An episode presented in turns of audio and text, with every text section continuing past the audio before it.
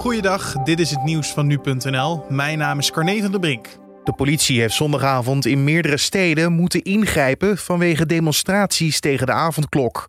De politiebond vreest dat het nog dagen of weken onrustig blijft. Dat zei hoofdbestuurder Koen Simmers van de Nederlandse Politiebond zondagavond in Nieuwsuur. Nou, ik hoop dat het eenmalig was. En, uh, maar ik ben bang dat het een voorbode is voor de komende dagen en komende weken. En uh, de politie is daar goed op voorbereid, alleen ik hoop dat het niet nodig is. Relschoppers richten zondagmiddag ook een ravage aan in de binnenstad van Eindhoven. Nadat een demonstratie tegen de coronamaatregelen uit de hand liep. Ook bij een anti-corona-betuiging op het Amsterdamse Museumplein moest de politie grof geschut uit de kast halen om betogers weg te krijgen.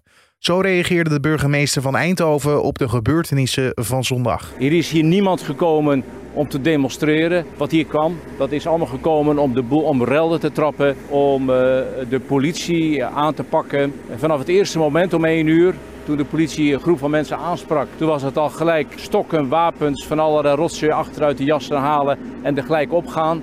En vanaf dat moment is het gewoon geëxplodeerd. Railschoppers hebben zondagavond in Enschede het ziekenhuis Medisch Spectrum Twente aangevallen en tevergeefs geprobeerd de ruiten van de spoedeisende hulp te vernielen. Op beelden op sociale media is te zien hoe railschoppers het ziekenhuis aanvallen. Kort hierna kwam de politie de plek schoonvegen. Een voorlichter van het ziekenhuis meldt dat het rond middernacht weer rustig was, maar dat er wel extra beveiliging is ingezet.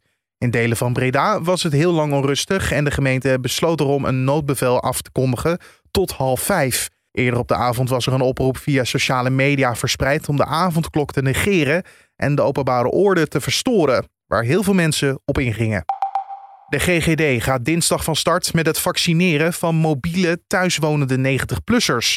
Dit is eerder dan eigenlijk gepland, maar het is mogelijk door de wijziging van de vaccinatiestrategie door demissionair minister Hugo de Jonge van Volksgezondheid. Woensdag begint de GGD met het geven van de tweede inenting aan zorgpersoneel. Dit komt drie weken nadat zij een eerste prik ontvingen.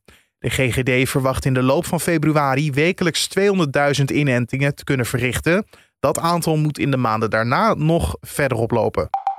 Het aantal buitenlandse toeristen wat vorig jaar naar Nederland kwam, is enorm gedaald. Iets meer dan 7 miljoen buitenlandse toeristen kwamen nog naar ons land. In 2019 waren dat er nog ruim 20 miljoen. Dat meldt het Nederlandse Bureau voor Toerisme en Congressen. De verwachting voor dit jaar zijn door het voortwoekeren van de coronapandemie ook niet gunstig. Het bureau heeft drie scenario's uitgewerkt over hoeveel toeristen ons land dit jaar mag verwachten. In het meest rooskleurige scenario komt het cijfer op ruim 9 miljoen internationale bezoekers. Nog altijd minder dan de helft van wat het was voor de coronacrisis. En tot zover de nieuwsupdate van nu.nl.